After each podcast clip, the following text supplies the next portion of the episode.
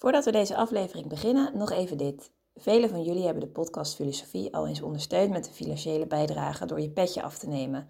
Daar zijn we super blij mee en daarmee draag je ook echt iets bij en maak je onze podcast mede mogelijk. Zo ook Boy en Jan die recentelijk hun petje af hebben genomen.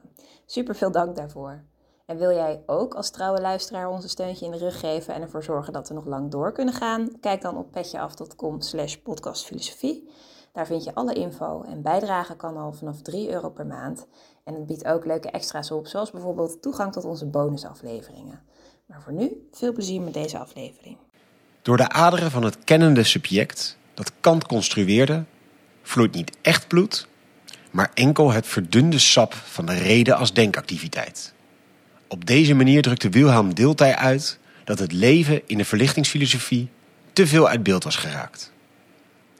Op welke manier probeert Deeltij de filosofie van Kant, de geschiedenis en de hermeneutiek samen te brengen in een nieuwe filosofie over het leven?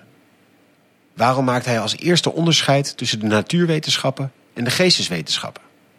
En waarom is hij, ondanks dat hij een voorloper is van de fenomenologie en Heidegger, toch een relatief onbekende naam gebleven?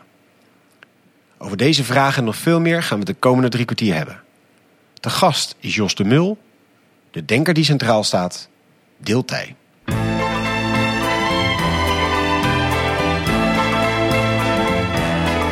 Vers les docks où le poids et l'ennui me le dos. Dag, goed dat je weer luistert naar een nieuwe aflevering van de podcast Filosofie van het Santre Erasme School voor Filosofie. Mijn naam is Allard Amelink en je kent hoe deze podcast werkt. 45 minuten duiken we in één filosoof aan de hand van een hoofdgast, een presentator en een sidekick. En uh, ja, naast mij Jozef Vaanders. Hey Allard, uh, inmiddels in de buurt van Nijmegen, waar we een vorige podcast uh, opnamen. En een klein bruggetje naar de, de, de, hoofdgast. Voor mij ligt het boek De Tragedie van de Eindigheid. Deeltijds hermeneutiek van het leven. En dat is de promotie, overigens zeer indrukwekkend, ik heb het gelezen, uh, van... En dan zijn we bij onze hoofdgast, dus dan geef ik het woord weer uh, terug aan Van Jos de Mul. Hij studeerde filosofie, rechten en kunstgeschiedenis aan de Universiteit Utrecht en de Universiteit van Amsterdam. Promoveerde dus in 1993 cum laude aan de Radboud Universiteit op Wilhelm Dieltij. En hij is emeritus hoogleraar wijsgerige antropologie en haar geschiedenis aan de Erasmus Universiteit Rotterdam. En op 31 mei houdt hij zijn afscheidsrede in de aula van de UR. Dus mocht je daar nog gelegenheid toe hebben, van harte welkom. Dag Jos, mooi dat we bij jou het gast mogen zijn. Goedemiddag. En mooi dat je bij ons in de gast, uh, de gast bent in onze podcast. Dank. We gaan het hebben het over Wilhelm Deeltij, geboren in 1833 in Wiesbaden-Biebrich in het uh, hertogdom Nassau, nu Duitsland. Hij trad in de voetsporen van zijn vader door theologie te gaan studeren in Heidelberg. Studeerde vervolgens filosofie in Berlijn bij leerlingen van Friedrich Schleiermacher. En in 1867 werd hij professor in Basel en vanaf 1882 in Berlijn.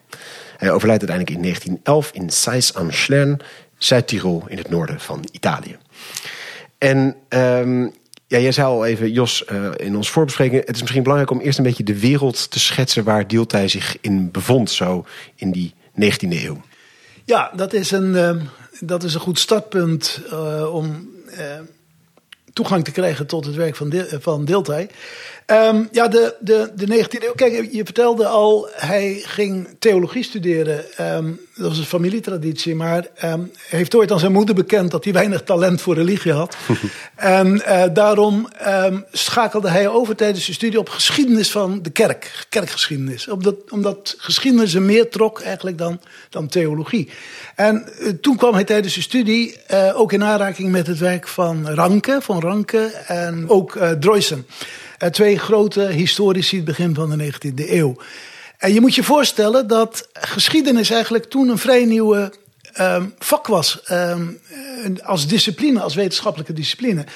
Er is natuurlijk in het verleden altijd wel naar het verleden gekeken. En koningen lieten hun roemrijke daden en voorgeslacht te boek stellen en dergelijke.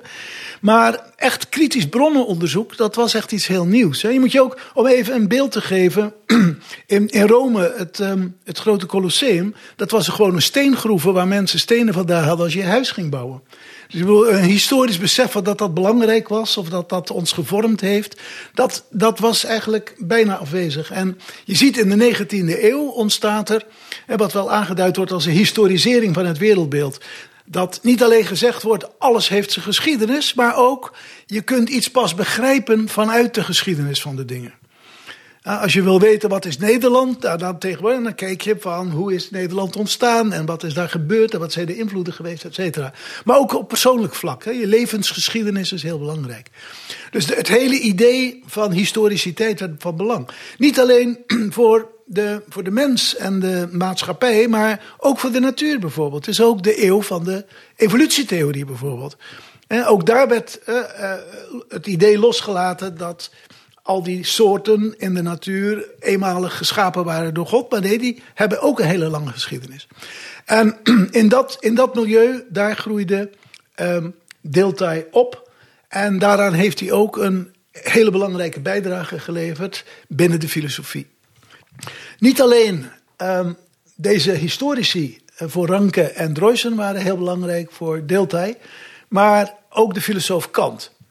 Um, hij bestudeerde die en dat was vooral langs de lijn van Schleiermacher. Want hij kreeg, um, naar aanleiding van zijn dissertatie, die hij over Schleiermacher had ges geschreven, kreeg hij ook de opdracht om de biografie van Schleiermacher te schrijven.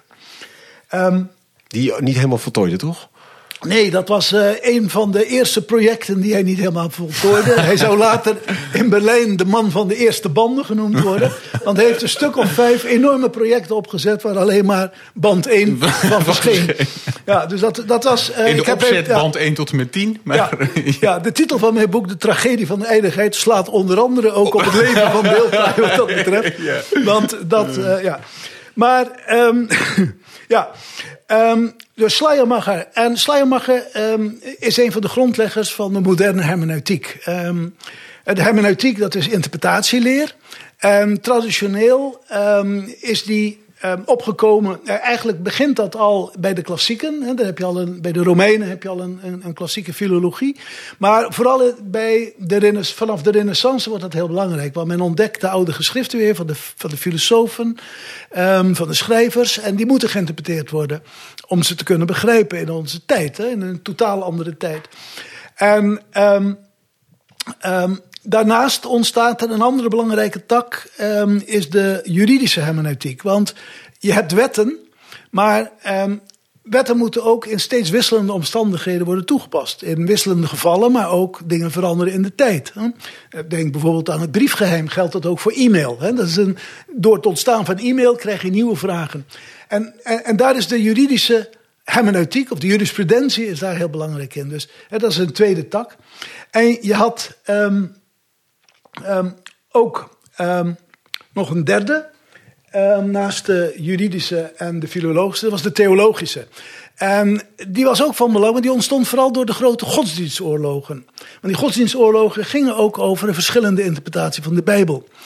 En je kunt elkaar dan de hersens inslaan, maar je kunt ook proberen te overtuigen de ander met woorden dat jouw interpretatie beter is. Dus je ziet, en ook natuurlijk ideologisch, je probeert, de protestanten probeerden hun visie te verdedigen, de katholieken hun visie.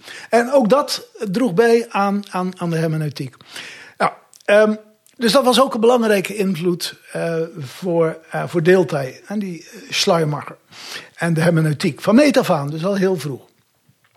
Daarnaast was Kant heel belangrijk. En dat kwam eigenlijk omdat Schleiermacher ook in die traditie van Kant staat. De grote verlichtingsfilosofie, eh, filosoof Kant.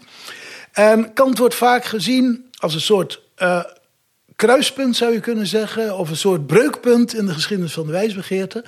Omdat daar iets gebeurt wat de moderne filosofie op een doorslaggevende wijze bepaalt. Namelijk, um, Kant stelt niet meer de vraag naar de dingen uh, zoals de wetenschappen dat doen, empirisch onderzoek van de dingen. Maar hij stelt de vraag naar de mogelijkheidsvoorwaarden van de kennis daarvan. Hij zegt, kijk, en dat, is, dat wordt wel gezien als het eindpunt van de verlichting. Uh, als verlichting is je losmaken van autoriteiten, Bijvoorbeeld de religieuze autoriteiten. Die strijd tussen katholieken en protestanten had daar ook mee te maken natuurlijk. Moet de kerk jou vertellen wat er in de Bijbel staat? Of is dat de persoonlijke verantwoordelijkheid? Ook in de, in de politiek natuurlijk. Uh, als er gezegd wordt dat dit de koning is omdat God dat heeft gewild. En dat je hem daarom moet gehoorzamen. Uh, ook die autoriteiten worden aangevallen. Dus de hele democratiseringsbeweging in de moderne wereld.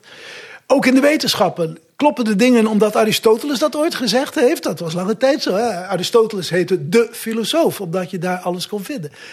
Ook daar zie je dat er een, een nieuwe benadering komt. Je moet zelf kritisch nadenken. Dus dat is verlichting. Hè? Verlichting is uittreding uit je onmondigheid. Hè? Zoals Kant dat beschrijft in zijn beroemde pamflet. Uh, wat is verlichting? Hè? Wat heist Aufklärung?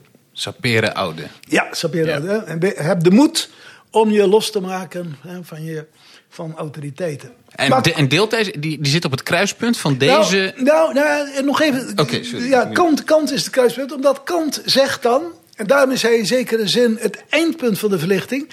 Dat is allemaal mooi en aardig. Je moet, aardig. Je moet alles voor het uh, tribunaal van de reden brengen. Maar is die reden wel betrouwbaar? Want hij zegt, als we kijken naar de geschiedenis van de filosofie, dan worden allerlei tegengestelde meningen worden verkondigd. Sommigen zeggen alles is geest, anderen zeggen alles is materie. Uh, um, er zijn zoveel meningen. En uh, hoe kan dat? Als de reden een betrouwbaar medium is, dan zou dat toch niet moeten kunnen. Dus wat er nodig is, zegt Kant, is een kritische reflectie op dat instrument zelf. We moeten eerst dat instrument moeten wij, moeten wij um, onderzoeken en moeten wij testen. En, en kritiek der reinen Vernunft, zo noemde hij dat project. Die kritiek der reinen Vernunft heeft in feite, dat woord kritiek heeft drie betekenissen. Het betekent analyse, het betekent ten tweede een rechtvaardiging van het juiste gebruik van de reden. En in de derde plaats een kritiek ook in de zin um, het, um, het aanwijzen van wat je niet kunt doen met die reden. Dat is net zo belangrijk natuurlijk, want hij zegt heel veel problemen in de filosofie ontstaan omdat er op een kritiekloze manier dingen worden beweerd die je niet kunt verantwoorden. Nou, goed, Deeltij komt in, in aanraking met Kant. En um, dat blaast hem helemaal van zijn, van zijn uh, sokkel. Van mijn sokkel. Nou, hij had nog geen sokkel, sokkel. in die tijd natuurlijk. Hij was nog, hij was nog student. Maar ja, um, hij was helemaal verkocht. En in zijn Baselse um, oratie, uh, oratie noemde uh, in de inleiding even dat, dat zijn eerste hoogleraarschap later zou zijn. Daar verklaart hij zich met ook Kantiaan. Dan zegt hij, Kant heeft eigenlijk de problemen uh, van de filosofie voor een belangrijke uh, mate ook opgelost. In kaart gebracht en opgelost. Maar Kant, um, die beweerde, en in die zin staat Kant eigenlijk nog in, de, in, in, in, in, in, in, in een voorhistorische periode. Als we het hebben over die historisering van het wereldbeeld. Kant denkt dat die menselijke reden dat dat een soort tijdloos instrument is. Deeltij heeft kennis gemaakt met die grote historici en zegt dan: maar is het wel zo dat die reden zelf altijd zo geweest is? Kijk eens naar de middeleeuwen, toen werd er heel anders gedacht. Kijk eens naar de Grieken, die dachten ook heel anders.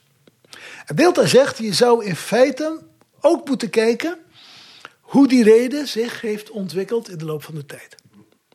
Nou was dat niet een geheel nieuw idee van Deeltij alleen, want Hegel bijvoorbeeld heeft dat natuurlijk ook gedaan in zijn, in zijn uh, fenomenologie des geistes en, uh, en zijn hele systeem. Uh, de, de, de voortgang van de geest is, in ja, de geschiedenis. Ja, ja, de geest ontwikkelt zich in de geschiedenis.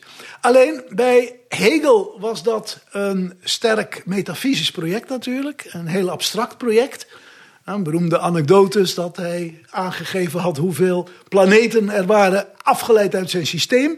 En toen een student zijn hand opstak en zei: Ja, maar professor, er is een nieuwe planeet ontdekt. Hoe, hoe kan u dat verantwoorden binnen uw systeem? Toen zei hij: Um, zo slimmer voor die werkelijkheid. dus, ja. Ja. Ja, dus dat, was, dat was, zeg maar, die, die liet zich niet uh, heel erg veel gelegen nee. aan, de, aan de empirie, zeg maar. Um, Deeltij was natuurlijk, die was uh, opgevoed als historicus door uh, Van Ranke en Droyst. Dat waren positivisten in die zin, dat, zeker Van Ranke. Hè, van, het gaat om feiten, feiten, feiten. Ja, je moet alles onderzoeken. Het gaat om de bronnen. Hè, ja. Je moet alles onderzoeken. En um, in, in die zin um, dacht Deeltij, wat we moeten doen eigenlijk, is de kritiek de Reine Verdun van Kant combineren met een historisch perspectief. En eigenlijk wat, wat, wat je tegenwoordig cognitieve evolutieleer zou kunnen noemen, of zo, is iets wat hij doet. Of wat Jean Piaget later heeft genoemd, ook een genetische epistemologie. Mm -hmm. En genetisch dan dus een, een, een, reden die in ontwikkeling is. Ja, en die, en die door een bepaalde geschiedenis bepaald Ja, en die, die moet je beschrijven. En ehm, Piaget zegt iets heel moois en dat, dat is ook wel van toepassing op deeltijd, denk ik. Piaget zegt ergens van, kijk, Kant was een constructivist. Hè, want waar Kants oplossing op neerkwam is dat hij zegt, als wij de werkelijkheid kennen, dan is het niet zo dat dat een soort spiegel is van de werkelijkheid, dat je die helemaal weer spiegelt zoals die is. Nee, wij vatten die werkelijkheid in menselijke categorieën en vormen. De vormen van ruimte en tijd zijn typisch menselijke vormen om de dingen te vatten. En de begrippen die wij gebruiken, zoals causaliteit bijvoorbeeld, dat is een menselijk begrip. Dat zit niet zozeer in de dingen zelf, in de dingen aan zich, maar dat zit in hoe ze aan ons verschijnen. Categorieën van het verstand. De categorieën van het verstand. En dan heb je ook nog de ideeën van de reden, waarin we proberen de totaliteit van alles te vatten. Ja. Um, en wat Piaget dan zegt daarover, hij zegt: kijk. Kant was dus eigenlijk een constructivist. Dat hij zei: kennis is niet een louter weerspiegeling, dat is een constructie. Alleen zegt Piaget, wat Kant nog niet gezien heeft, is dat die vormen zelf ook een constructie zijn. Die zijn in de loop van de tijd zijn die geconstrueerd met vallen en opstaan. Je, je dus door de geschiedenis bepaald. Door de geschiedenis ja, je moet nog wat consequenter zijn in je historiteit, zeg maar. Ja, je moet daar consequent in zijn. En je kunt ook denken aan Foucault bijvoorbeeld. Hè, in, zijn, um, um, in zijn archeologische periode. Ook Foucault zegt, je hebt historische a priori's hè, die elkaar opvolgen. En het is heel interessant dat dat een begrip is wat ook dus bij Dilthey um, wordt, uh, uh, dat door Dilthey wordt ingevoerd. Historisch a priori. Ja, historisch a priori. Ja, want Kant heeft, hij zegt, Kant spreekt over tijdloos a priori, alsof wij altijd dezelfde vormen van ruimte en tijd hanteren, bijvoorbeeld. Terwijl in werkelijkheid, zegt Deeltij, zijn die historisch bepaald. En niet alleen historisch, maar ook cultureel. Ziet een Chinees de ruimte op precies dezelfde manier als wij dat doen? Of neem middeleeuwse schilderijen. Dan zeggen we, ja, maar die, die konden, dat, dat perspectief klopte niet. Nou ja, misschien ervoeren zij de ruimte anders en beelden zij het wel heel goed af. Hmm. En dat is wat Deeltij daar naar voren brengt. En kritiek, de historische vernunft, dat wordt zijn grote project. En dan, dan, dan wil hij, dus in de kern zegt hij eigenlijk dat zeg maar, de, de structuur of de architectuur van de reden waarmee wij de werkelijkheid beschouwen, Hè, dat die bij Kant in zekere zin nog statisch a priori is. En dat Deeltij dan zegt, ook die structuur en de categorieën die daar een rol in spelen, zijn genetisch bepaald. Die zijn, in wording. Ja, ja genetisch zeg maar historisch bepaald en historisch en, bepaald. En, gelokaliseerd. Veranderend, wordend. Ja. En, dat, en dat gebeurt doordat ze getoetst, getoetst worden aan de werkelijkheid. Kijk, we, we hanteren bepaalde um, bepaalde categorieën, bepaalde begrippen. Maar uh, soms werken die niet. En dan moet je begrippen bijstellen. En de hele geschiedenis, vandaar dat Piaget spreekt van een genetische epistemologie. Hè, zo van een, ontwikkelen, een, een, een, een epistemologie, een kennis die zich ontwikkelt in de loop van de tijd. En niet alleen dat die empirisch toeneemt in de zin dat je eerst had je tien dieren beschreven, nou heb ik er vijftien beschreven, dus dat is meer van hetzelfde. Maar dat je op een heel andere manier de werkelijkheid gaat indelen, gaat categoriseren. Sorry, en nog een keer, want hoe kan zoiets nou tot ontstaan? Want de, de middeleeuwse mens keek misschien anders. Hoe is er dan een ontwikkeling tussen de middeleeuwen en de tijd van deeltij in, in benadering van de werkelijkheid? Wat um, gebeurt er dan dat je dat toets nou aan de werkelijkheid iets anders gaat zien? dat, dat is een idee wat je ook bij, bij Foucault en ook bij Heidegger bijvoorbeeld ziet, is dat, dat, je, um, dat, dat de algemene structuren van het denken ook veranderen. Bijvoorbeeld voor de middeleeuwen werd alles uiteindelijk toch bepaald door het concept God. God had de wereld geschapen. Als iemand ziek werd, dan was dat een, eh, een wil, eh, de wil van God. Uh, um, de natuurwetten waren door God um, uh, in het leven geroepen, et cetera, et cetera.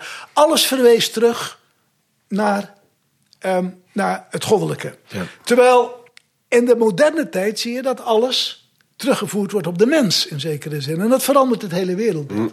Mm. bijvoorbeeld, dat zie je al heel duidelijk bij Kant. Hè. Kant heeft niet één kritiek geschreven, maar drie. Hè. De kritiek der Vernunft, dat was de kritiek die ging over wat kan ik weten.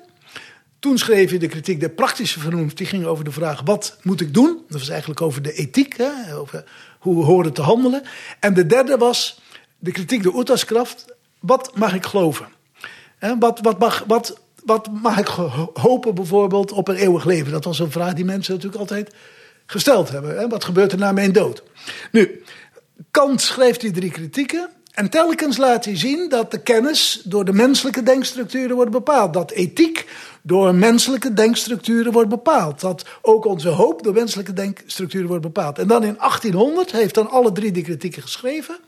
Daar schrijft hij in het voorwoord van zijn logiek.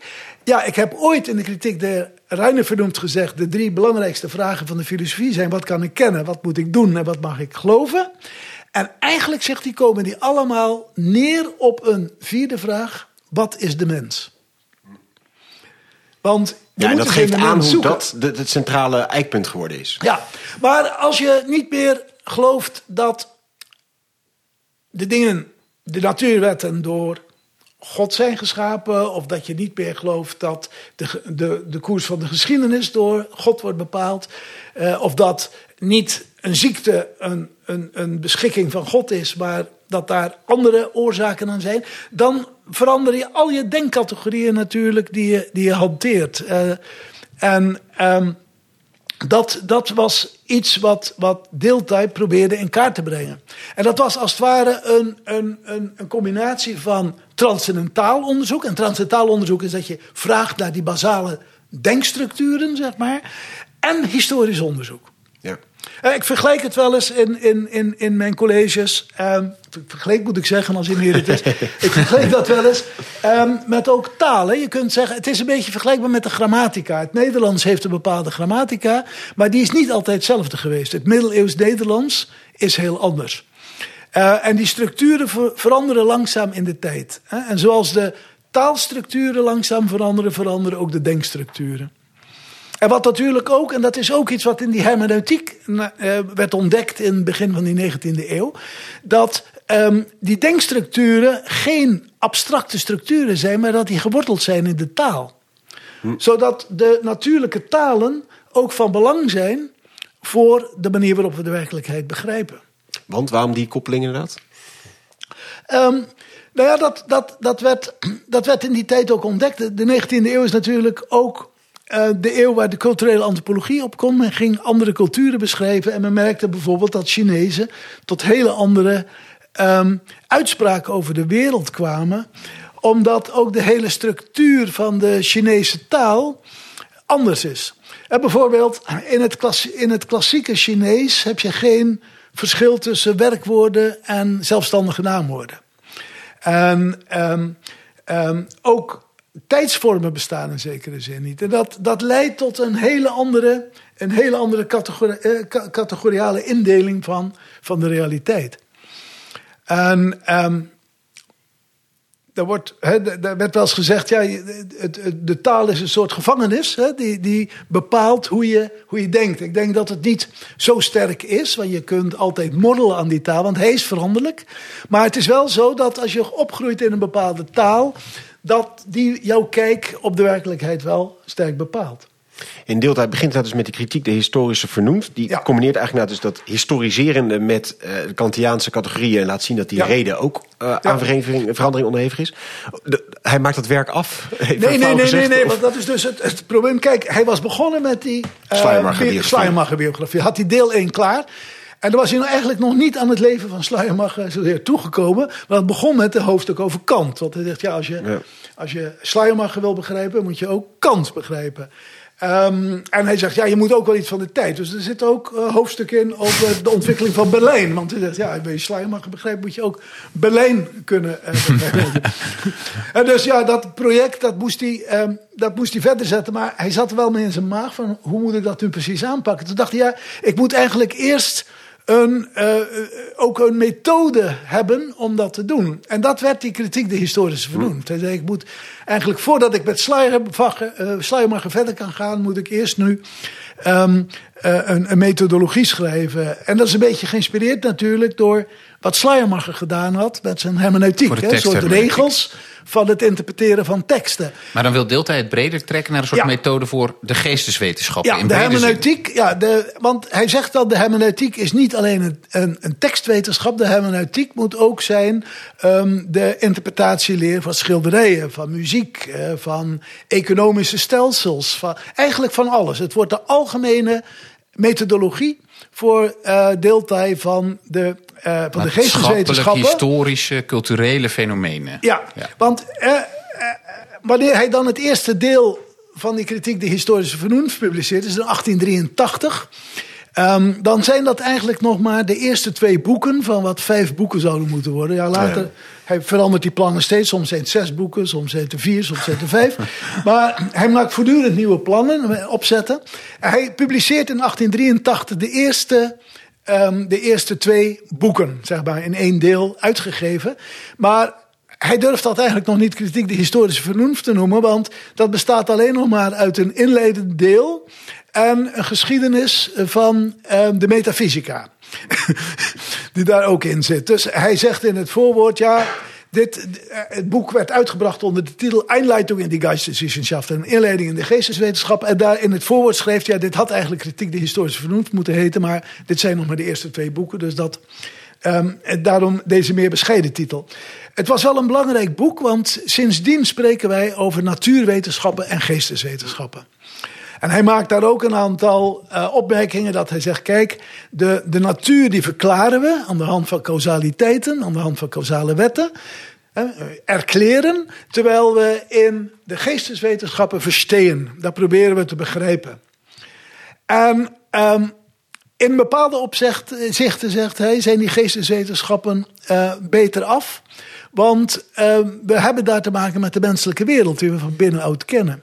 En de, de natuurwetenschappen beschrijven alleen op uiterlijke wijze de werkelijkheid. De geesteswetenschappen die kijken ook naar de materiële werkelijkheid van mensen, van gebouwen, schilderijen, boeken.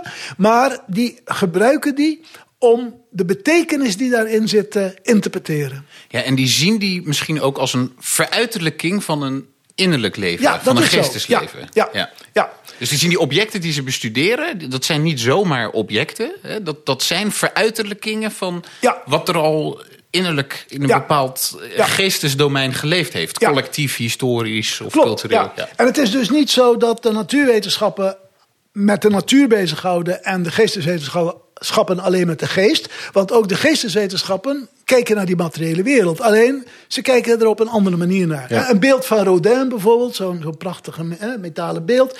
Dan zal een natuurwetenschapper zeggen: Oh, wat voor legering is dat? Eh, wat voor soort brons is dat? Hoeveel weegt het? Eh, En dat is dus erkleren, verhelderen dat- van wat het... dat is ja, dan verklaar je het Verklaren, uiterlijk. ja. Hè? van uiterlijk. Een kunsthistoricus zal zeggen: ja, wat wilde Rodin daarmee uitdrukken? Wat zegt dat en wat drukt dat beeld uit?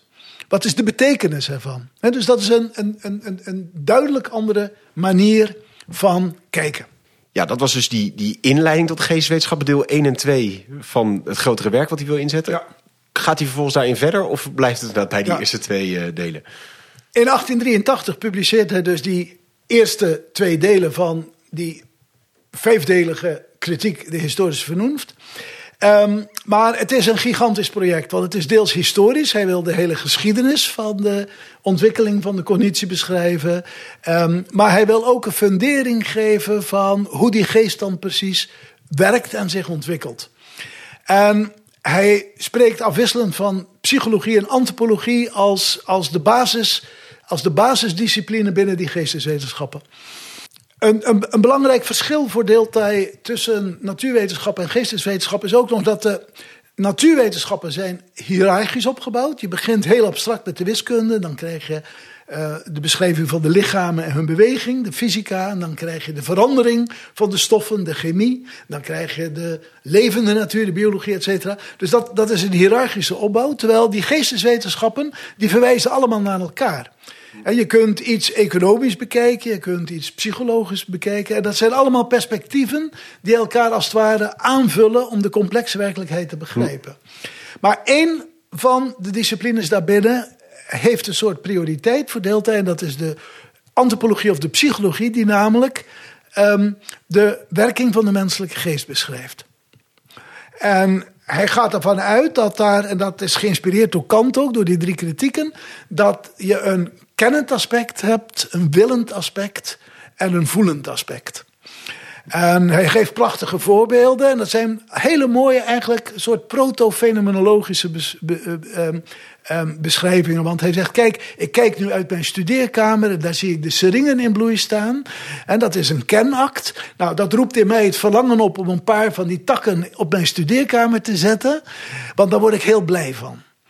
En dat geeft me een goed gevoel. En die zegt, die, het is niet zo dat dat, dat een, een, een gelaagd is, maar dat zijn ook drie aspecten, die drie aspecten zijn van de erlebnis. En erlebnis wordt het, het, het centrale begrip daarbinnen. Want in de natuurwetenschappen gaat het ehm, om de ervaring. Hè, en ervaring is voor deeltijd dan uiterlijke ervaring. Je, de- je bekijkt de dingen van buitenuit. We zouden nu zeggen een derde persoonsperspectief. Terwijl de geesteswetenschappen combineren een derde persoonsperspectief en een eerste persoonsperspectief.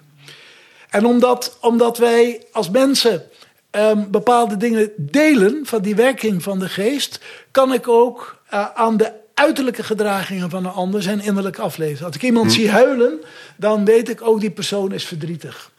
Kun je dat ook eigenlijk nou dus verstehen? In plaats van alleen maar Dat kun je verstehen, ja, Dat is verstehen in, in tegenstelling tot dat erkleren.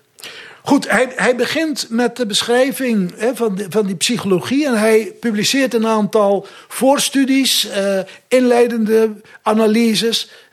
Hij publiceert enorm veel. Er zijn enkele tienduizenden bladzijden nagelaten door hem. En een heel groot deel daarvan heeft betrekking op die kritiek der historische vernoemd. En dan in, in de jaren negentig, dan publiceert hij eh, ideeën over een beschrijvende en analyserende psychologie. En, ehm, en, en dan denkt hij, ik heb nu heb ik de basis te pakken daarvan.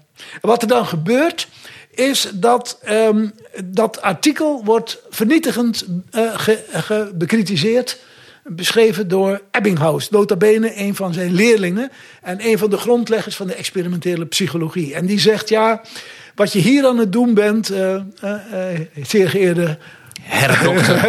Dilthey, is een soort armchair psychology.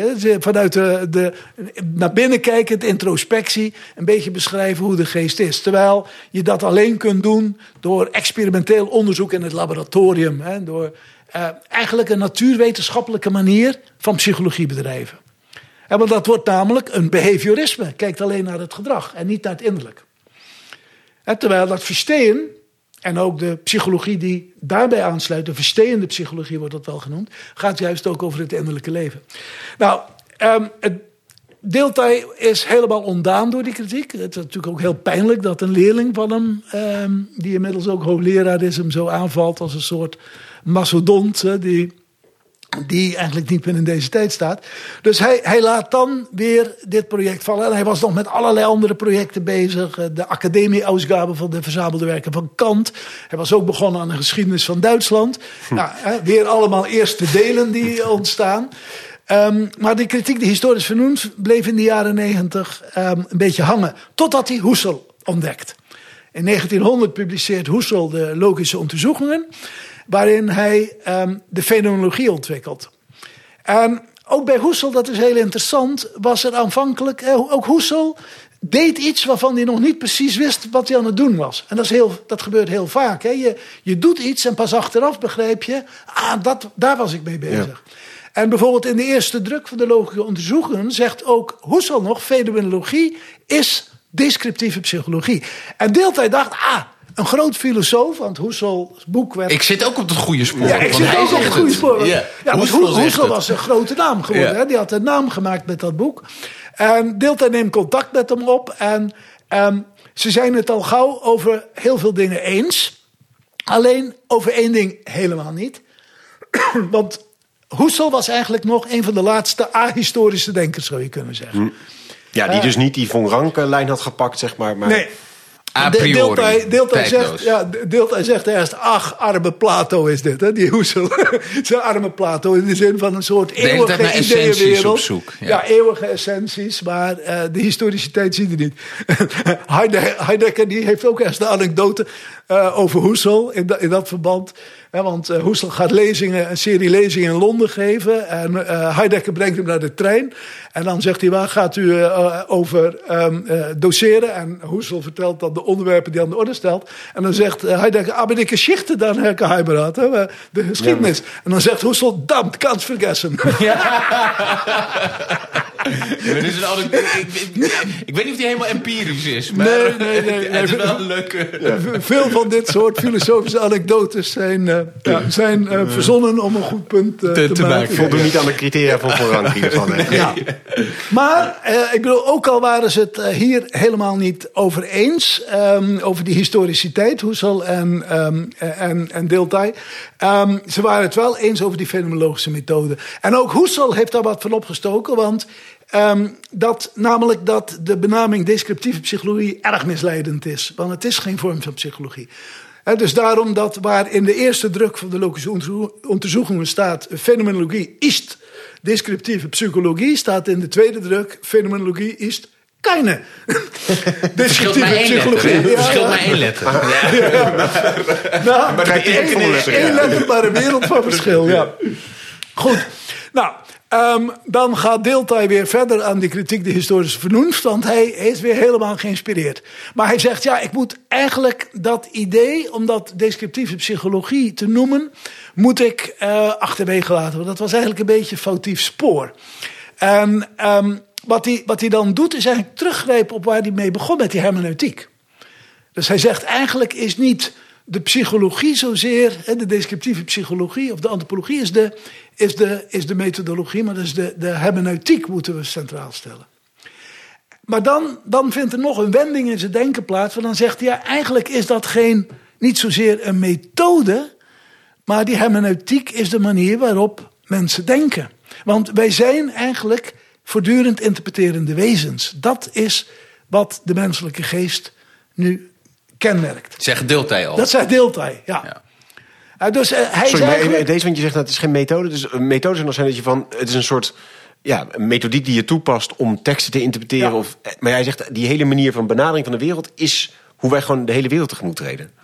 En dat doen wij voortdurend. Ik bedoel, wij zijn voortdurend bezig met interpreteren. Een verkeersbord, uh, de woorden die de ander spreekt, uh, de kleding die iemand draagt, uh, een, een leuk liedje wat je op de radio. Je bent voortdurend bezig alles te interpreteren. En, en hij, hij maakt dan een onderscheid. Hij zegt: kijk, je hebt, je hebt het, het, het, het alledaagse verstehen. En je hebt interpreteren, en dat, dat laatste, dat is zeg maar een meer methodische vorm die de geesteswetenschappen doet.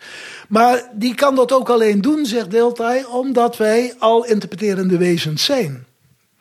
En tegenwoordig wordt ook wel gezegd, uh, bijvoorbeeld in, ten onze hier in Nederland, Antoine Mooi heeft dat uh, met zijn boek over Cassirer en Lacan uh, gezegd, ja, wij zijn symbool, symbolische wezens, hè, symbool gebruikende wezens. Symboliseren is, wij zien niet de dingen zoals ze zijn, maar we zien, dingen altijd als. Als ik door een bos loop, um, als ik een, een, een, een houtvester ben, dan zie ik zoveel kuub hout. Als ik een bioloog ben, dan zeg ik: Oh, dit is een heel interessant loofbos met deze typerende boomsoorten. Als je een dichter bent, krijg je misschien een mooie ideeën om een gedicht te maken als je door dat bos loopt. En dus dat is, we zien altijd iets als zus of zo. We zijn altijd al aan het interpreteren. En, en hoe verklaart hij die diversiteit aan verschillende interpretatievormen? Omdat die interpretatievormen in feite uh, historisch, en, uh, uh, historisch en geografisch zich ontwikkelen, zou je kunnen zeggen. Ze zijn afhankelijk van de tijd en de cultuur waarin je opgroeit. Je, vo je voegt daar iets aan toe. Meestal zijn dat hele kleine bijdragen, maar in de loop van de geschiedenis zie je dat dit soort interpretatievormen langzamerhand verschuiven. Maar dat verklaart het verschil van interpretatie tussen een middeleeuwer en iemand vandaag de dag. Hoe verklaart het het verschil tussen twee individuen ja, in, in, ja. in, een dagelijkse samenleving? Ja, nou ja, je hebt, je hebt op een heleboel niveaus, zou je kunnen zeggen, heb je interpretatiestructuren. Um, je, je kunt spreken over bepaalde culturele interpretatiestructuren, maar je hebt ook subculturen bijvoorbeeld. Uh, punkers die zullen ehm, eh, de wereld anders interpreteren dan streng gereformeerden. Om maar eens twee willekeurige subculturen in Nederland te noemen.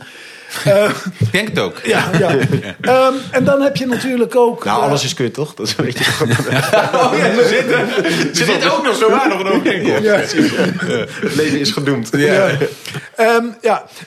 En je, je hebt natuurlijk ook patronen die groter zijn, die door ehm, ehm, eh, eh, hele culturen worden gedeeld. Bijvoorbeeld in de middeleeuwen was het christendom was bijvoorbeeld een soort aloverkoepelende denkstructuur die alles, hè, waarin alle individuele interpretaties plaatsvonden. Maar je hebt ook nog op meer individueel niveau, en dat is afhankelijk van jouw levensgeschiedenis. Als je filosofie gaat studeren, krijg je een andere manier van naar de dingen kijken dan wanneer je natuurkunde gaat studeren of linguïstiek. Ik noem maar eens even een paar, een paar dwarsstraten. Ook dat bepaalt. En natuurlijk je, je persoonlijke omstandigheden, in welk gezin je opgroeit, eh, welke klasse je deel uitmaakt. En dat zijn allemaal aspecten die eh, dat uitmaken. En een hermeneuticus die zal, die zal, dat, zal dat doen. En het interessante is, Deeltij zegt, ehm, de biografie is eigenlijk een van de belangrijkste takken eh, van de geschiedschrijving, zegt hij. Want in een interessant individu, als je diens leven beschrijft, dan krijg je een heel goed beeld van een bepaald tijdvak ook.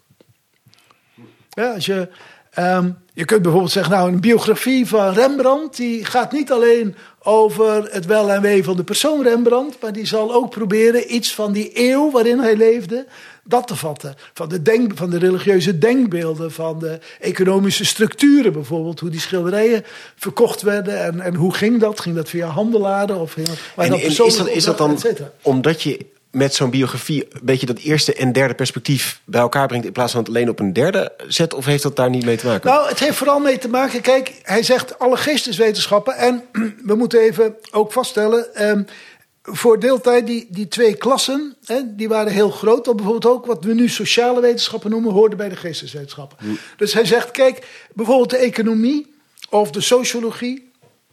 Die beschrijven de maatschappij vanuit een tamelijk abstract perspectief. Het interessante van een biografie is dat je in een één persoon in feite al die verschillende aspecten samen ziet komen. En daardoor is het een soort, ehm, ja, is het een soort kijkglas zou je kunnen zeggen, waarin je een hele tijd, eh, eh, waarin een hele tijd zichtbaar wordt gemaakt. Ja. En dus dat is het mooie van, van, de, van de biografie volgens hem. En je zegt dat van die, die hermeneutiek die is dus eerst een soort methodiek eh, buiten ons nog in het denken van deeltijd. En op een gegeven moment trekt hij het naar de mens toe. Het is onze hele manier waarop we de wereld benaderen, komt daarin terug.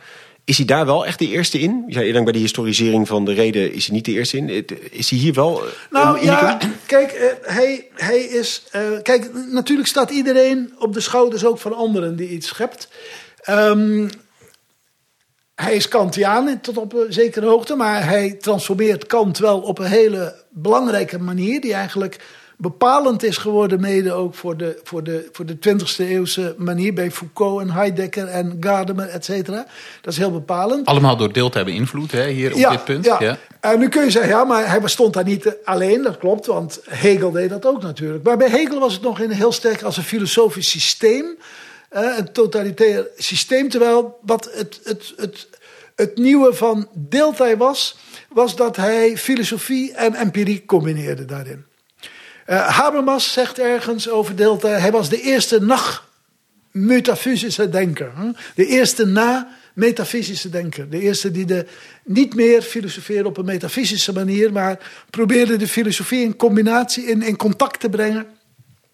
En niet, niet op de manier waarop Kant het deed, door te kijken hoe werken de natuurwetenschappen en hoe werken de andere soorten wetenschappen, maar door daadwerkelijk filosofische vragen met historisch onderzoek te combineren. Ja, en, en die slag van die hermeneutiek naar binnen halen, zeg maar, is hij daar wel dan, eh, eh, ja, ongetwijfeld ook weer door anderen beïnvloed, maar is hij daar wel een, een fruit? Nou ja, introspectie is. De, kijk, introspectie is al, al oud natuurlijk. Ook Descartes, hè. als je de meditaties leest, dan eh, zit eh, Descartes bij het houtvuur en denkt hij na van. eh, hoe kan ik de werkelijkheid kennen? Daar kan ik aan alles twijfelen. Wat blijft er over? Dat is een soort vorm van introspectieve filosofie. Ehm, dus maar Deeltij duidt niet zozeer op introspectie, want hij zegt ook dat doen we natuurlijk. We kijken soms naar binnen om onze eh, eh, gevoelens, eh, onze ideeën, om, daar, om, om die te beschrijven. Maar hij zegt de introspectie heeft wel zijn beperkingen. Want introspectie is heel vluchtig. We kunnen, ehm, het is niet vastgelegd. We, we, we, gedachte van gisteren die is weg, is vluchtig. En vandaar dat hij die trias van Erlebnis, Ausdruck en Verstehen. En dat, dat wordt de kern van die hermeneutiek eigenlijk. Je hebt een beleving, die beleving krijgt een uitdrukking. En aan de hand van die uitdrukking begrijpen we. Iemand die dat idee En, en, en in, in dat begrijpen wordt ook weer die brug geslagen tussen het innerlijk van de beleving en Ja. het uiterlijk van de objectivering. en dat Dus, versteen verandert de beleving ook weer. Ja, dus er, er ontstaat een circulariteit tussen Ja, leven, beleven en zeggen. interpreteren. Ja. Dit gaat veel te snel wat mij betreft. Ivo, ik sta erlebnis, de uitdrukking en het begrijpen. Ja, het is een soort spiraal zou je kunnen zeggen. Je hebt, ehm, je hebt een beleving. Bijvoorbeeld, ik wandel door het bos en ehm, eh, ik krijg daar een heel fijn gevoel bij. Nou, dat, dat, is, ehm, ja, dat, dat is lastig te pakken, dat, te vatten. Dan zeg ik, nou, ik ga dat opschrijven bijvoorbeeld. Ik schrijf dat op. Ik probeer Gedicht. dat te doen. In een gedicht of een, een notitie. Of, ehm, ja, een bioloog zal dat op een andere manier doen dan een dichter. En eh, de houtvester zal misschien ook zijn gedachten opschrijven. Oh, zoveel kub. Nou, en, en vervolgens lees je dat. Ehm, en het interessante is, je zou kunnen zeggen wat een, een ausdruk doet. Dat is een articulatie van de beleving. Je, haalt er, je licht er bepaalde dingen uit en die leg je vast. En, en daarom zegt Deeltij is een ausdruk altijd scheppend. Die bevat meer, die maakt expliciet wat impliciet blijft in de beleving. En dan is de derde stap is het versteen daarvan. En dat doe je zelf. Als je bijvoorbeeld je. hè, ah, Stel je schrijft, hè, dit voor de filosofen of de studenten onder ons, je moet een artikel schrijven of een essay voor een opdracht. En het is niet zo dat je die gedachte, eh, dat, dat je het alleen maar één op één moet kopiëren vanuit je gedachten op papier. Nee, het opschrijven is een vorm van articuleren. Je probeert, ja, moet ik het zo, moet ik het zo doen? Je bent aan het worstelen. En op een bepaald moment zul je zeggen, ja, dit is wat ik wilde zeggen eigenlijk. Maar dat is meer dan dat je aanvankelijk dacht. Je hebt iets geleerd ervan. Ja. Anders zou het Met ontzettend saai zijn. Ja. Ontzettend saai zijn. Ja, ik heb ooit een hoogleraar gehad, ik zal zijn naam niet noemen, maar die vertelde altijd dat hij een, ehm, een, een artikel al helemaal in zijn hoofd heeft, dat hij hoogstens toch eens een keer een punt of een komma wijzigde als hij het opschreef. Maar ik denk dat dat eigenlijk niet kan, want Nee. het, het schrijven is toch veel meer een worsteling om dat te doen. Ja, dus die articulaties eh, doet ook iets met die beleving. En vervolgens heb je dus het, het begrip komt na de uitdrukking. Ehm, ja, je zou kunnen zeggen, je hebt al begrip, maar het is impliciet. Hè? Het, is, Ja. het, is, het is nog vaag. Hè? Soms zou je dat misschien intuïtief noemen of zo. Maar door het een uitdrukking te geven... ehm, een, voorbeeld wat ik ook wel eens geef. Een- even, om hem een uitdrukking te geven. de- de- de- de- schep je iets waartoe je je als interpreet kan verhouden. Ja. En in, in die verhouding Ja. ontstaat dan iets van Ja. begrip. Ook van Ja. de beleving die aan de uitdrukking vooraf ging. Zo, dat is toch iemand, ja, iemand die dit... Ik weet niet of jullie daar al een podcast over gemaakt hebben... maar iemand die dit idee heeft overgenomen... is Paul Ricoeur geweest. in zijn narratieve Hebben identiteitstheorie. Ja. Ja. want die zegt ook... je hebt... ehm, het leven is een verhaal, dat is een soort metafoor. Je kunt zeggen bij levensverhaal, ik ben een verhaal. Maar hij zegt het is ook zo dat eh, dat ook een drieslag heeft, een verhaal. Want je hebt eerst een bepaalde, eh, hij noemt dat prenarratieve intuïtie. Die druk je uit in een verhaal. En de derde stap is dat je dat verhaal interpreteert. Dat noemt hij mimesis 1, 2 en 3. Ja, en jullie zeiden net, het wordt een soort cirkel. Want vervolgens heb je dus een, een, een eh, expliciet begrip gekregen... wat vervolgens weer een beleving kan opwekken... die vervolgens weer tot uitdrukking brengt... waardoor da- het een, daarom een is cirkel ja, je, Je kunt dat de hermeneutische cirkel noemen, maar eigenlijk is een beter begrip de hermeneutische spiraal. Want iedere keer komt er wat bij, als het ware. Ja, Het is ja, niet en zo dat een je in cirkel een kringetje circuit dat je loopt. terugkomt, ja. ja, je loopt niet in een kringetje, maar hè, je, je, je, je, je, Wordt je- steeds iets nieuws blootgelegd. ja. En hij beschrijft dat zelf prachtig, eh, de ervaring van een Dürer-schilderij. Hè, met eh, goddelijke voorstelling van Dürer.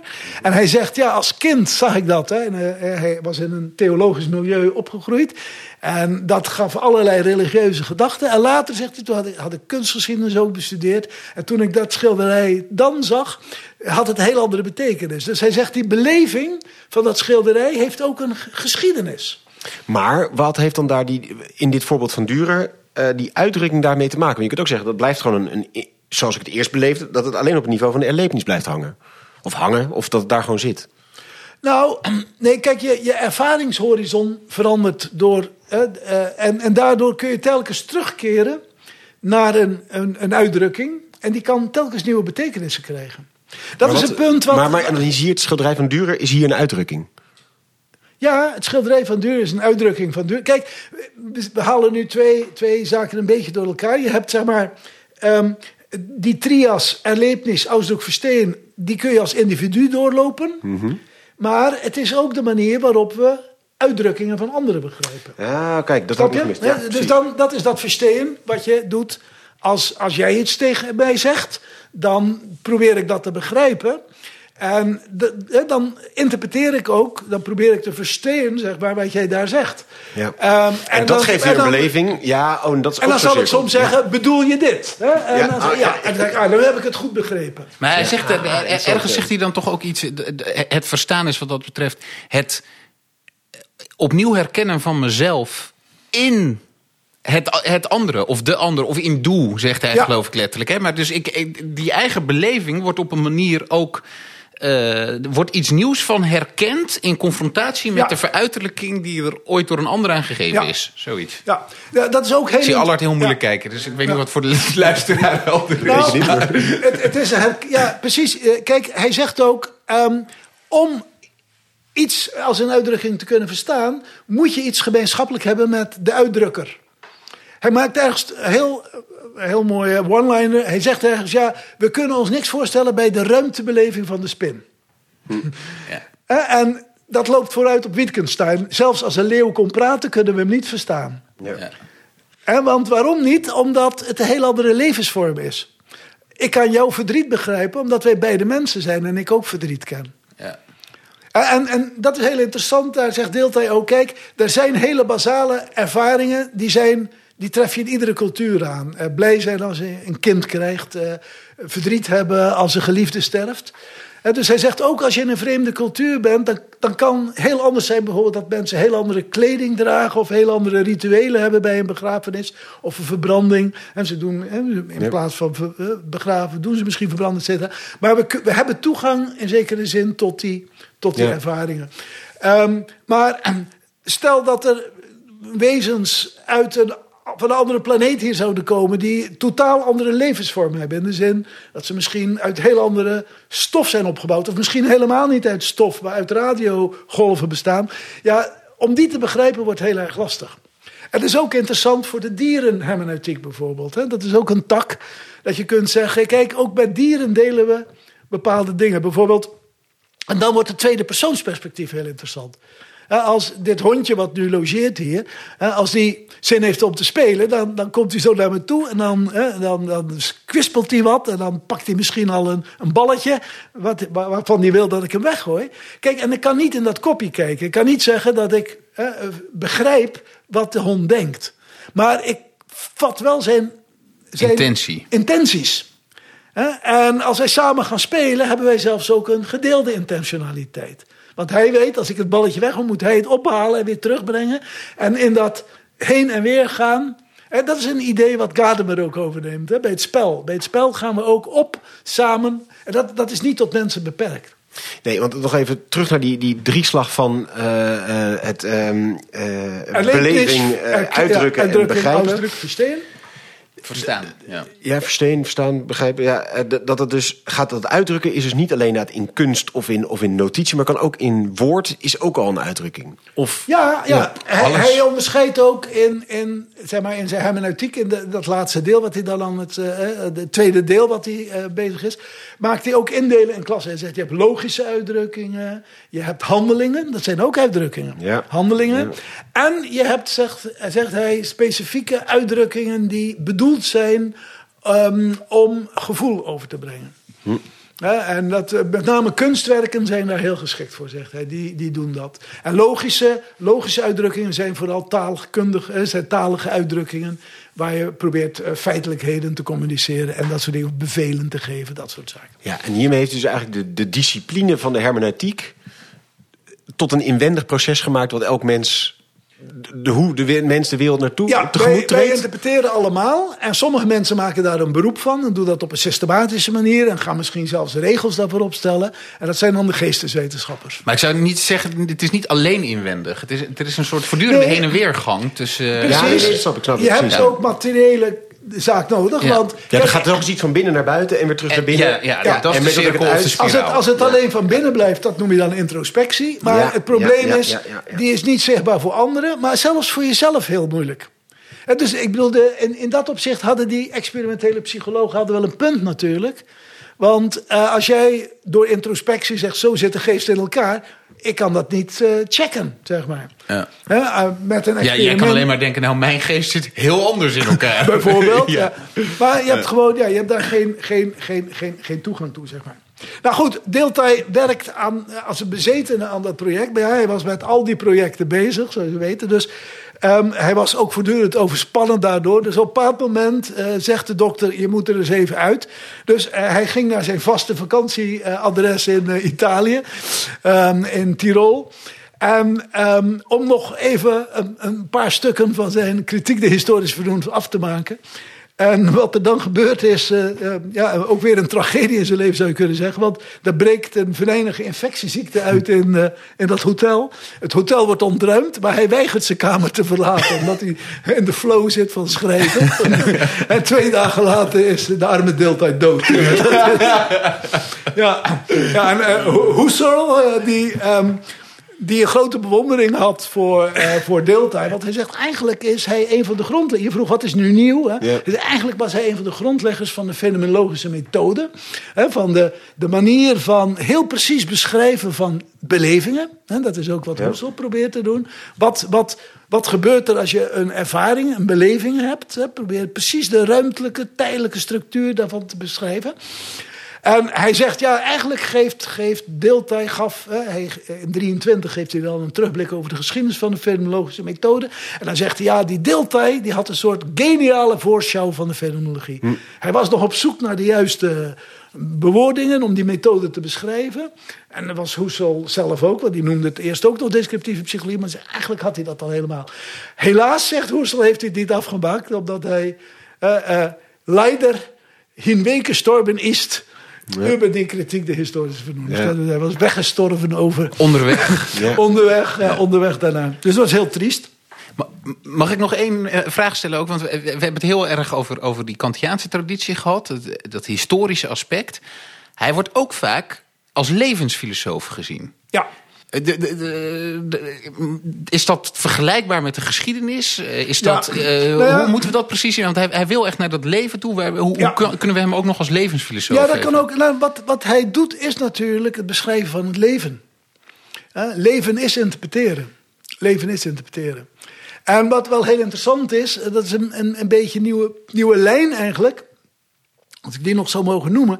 Ehm Deeltij staat bekend natuurlijk als de man die het onderscheid heeft gemaakt tussen natuurwetenschap en geesteswetenschappen.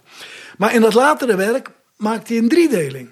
Hij zegt: je hebt de natuurwetenschappen van de dode natuur, zeg maar van de levenloze natuur. Je hebt de geesteswetenschappen van de geest, maar daartussen zit nog een derde klasse. En dat zijn de levenswetenschappen, de biologie. En dat is heel interessant, omdat hij daar eigenlijk ehm, het, het leven, ehm, wat hij ook al beschrijft, natuurlijk in, ehm, in, in, in zijn hermeneutiek, maar vanuit een soort psychologische kant, hier dat ook doet vanuit een biologische zijde. Eh, En dan eh, worden begrippen als teleologie en intentionaliteit worden daar heel belangrijk. En dus hij zegt, ja, dat is, eh, daarom gaf ik dat voorbeeld, dat was ook een beetje geïnspireerd daardoor van de hond. Die ik begrijp, dat is niet omdat ik ehm, zijn geest kan lezen, zeg maar. Maar ik kan zijn intentionaliteit aan zijn gedragingen aflezen. Hè, En vandaar dat, dat ehm, ik zelfs met een boom kan je zeggen. Kijk, een, een, een boom staat natuurlijk verder van, van mij af als een, een zoogdier.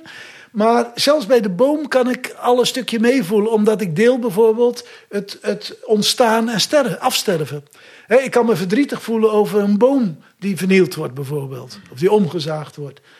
En waarom? Ja, niet omdat ik denk dat die boom pijn zal hebben. Misschien ook wel, maar dat, dat weet ik niet eens. Maar ik, ik, ik, ik voel wel van binnenuit, ja, sterven is niet leuk.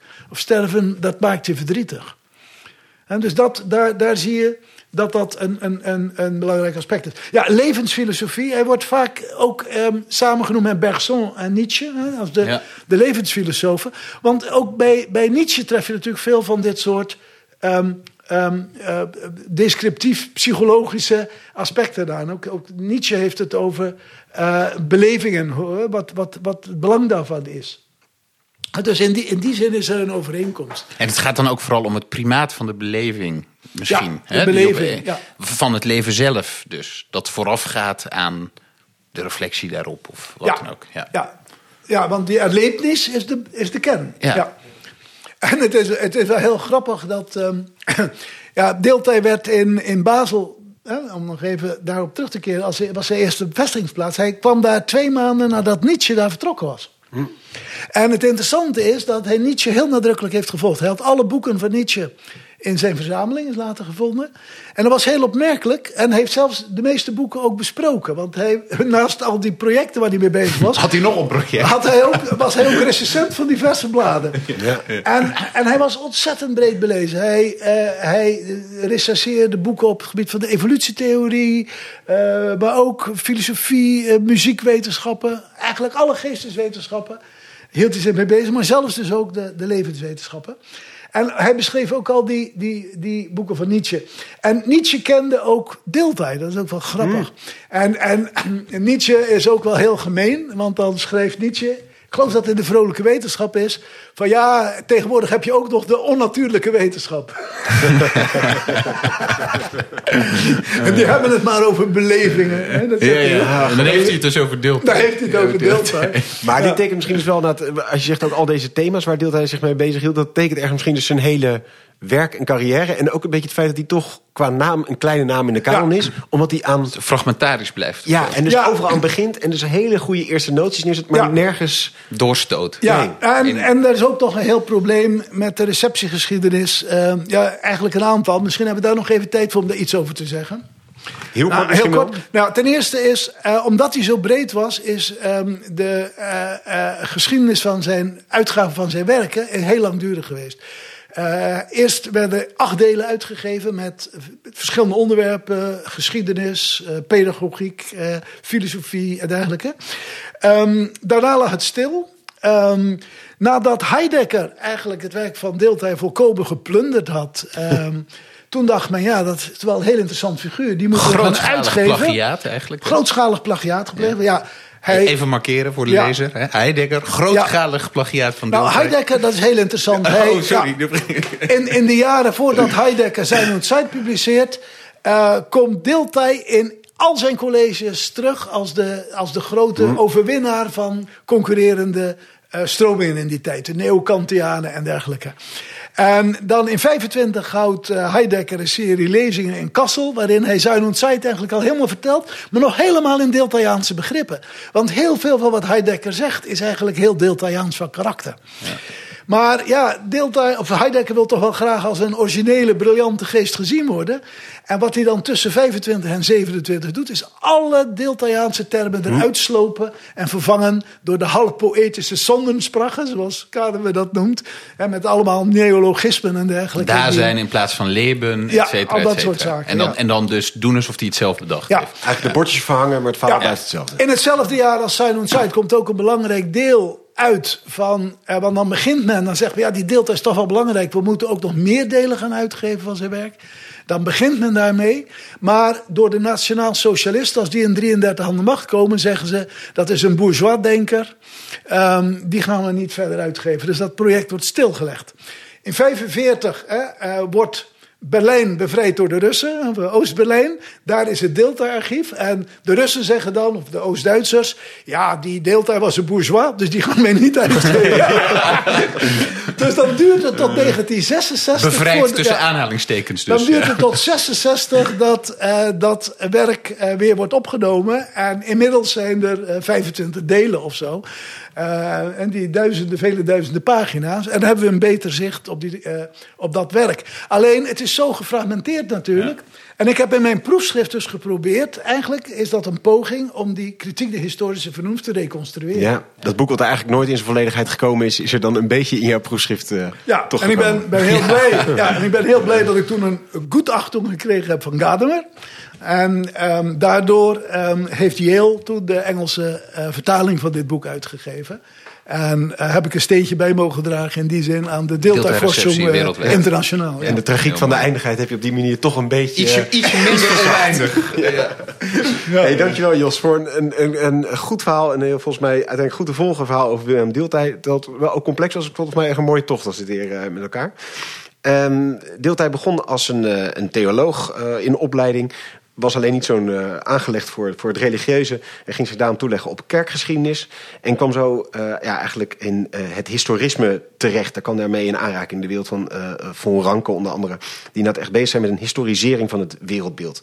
Iets wat sloeg zowel op de maatschappij als op persoonlijk niveau, die historisering, als op de natuur ook bijvoorbeeld. Door de evolutie, ook daar de geschiedenis zie dat die steeds meer een rol krijgt. Dingen zijn niet meer plotseling in het heden, maar zijn met een lange geschiedenis. En je kunt terugblikken in die tijd. Dat is eigenlijk een van de belangrijke pijlers en uh, beïnvloedingen in het denken van Deeltij. Um, daarnaast is hij, dan gaat hij heel erg bezig met Schleiermacher. Um, gaat een biografie schrijven van Schleiermacher, uh, hermeneutiek. En um, die hermeneutiek uh, is dan op dat moment, hij krijgt een soort nieuwe revival... nadat het uh, in de renaissance groot wordt. Uh, in de renaissance natuurlijk een herinterpretatie van de klassieken. Je ziet dat er een herinterpretatie komt van het recht, van de juridische wereld... en uh, een theologische hermeneutiek. Dus dat is eigenlijk een tweede grote pijler in dat bestaan van deeltij, de hermeneutiek. En als derde, heel belangrijk, Kant kan natuurlijk als echt een breekpunt in, of een keerpunt in de wijsbegeerte. Uh, uh, eigenlijk een beetje het einde van de, de verlichting. Uh, de verlichting als project van het losmaken van de autoriteit van de kerk, van God, van koning, van wetenschappen. En Kant stelt dan die, die belangrijke vraag van ja, is die reden eigenlijk wel betrouwbaar als we kijken naar de veelzijdigheid van alle perspectieven? Nou, de hele podcast over Kant met Donald Loos kunnen we zeker aanraden. Dan gaan we daar nog weer ook nader op in.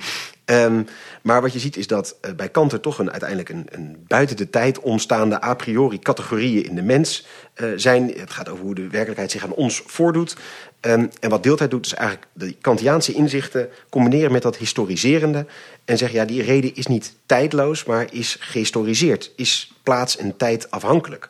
Bij Kant blijft die nog uh, abstract en eeuwig. Bij deeltijd wordt die tijdelijk. Hegel heeft dat ook al wel gedaan, dat historiseren, maar daar blijft het ook allemaal vrij abstract en metafysisch.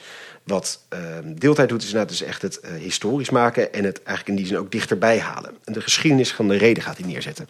En dan begint hij dus met het hele project van de kritiek, de historische vernoemd.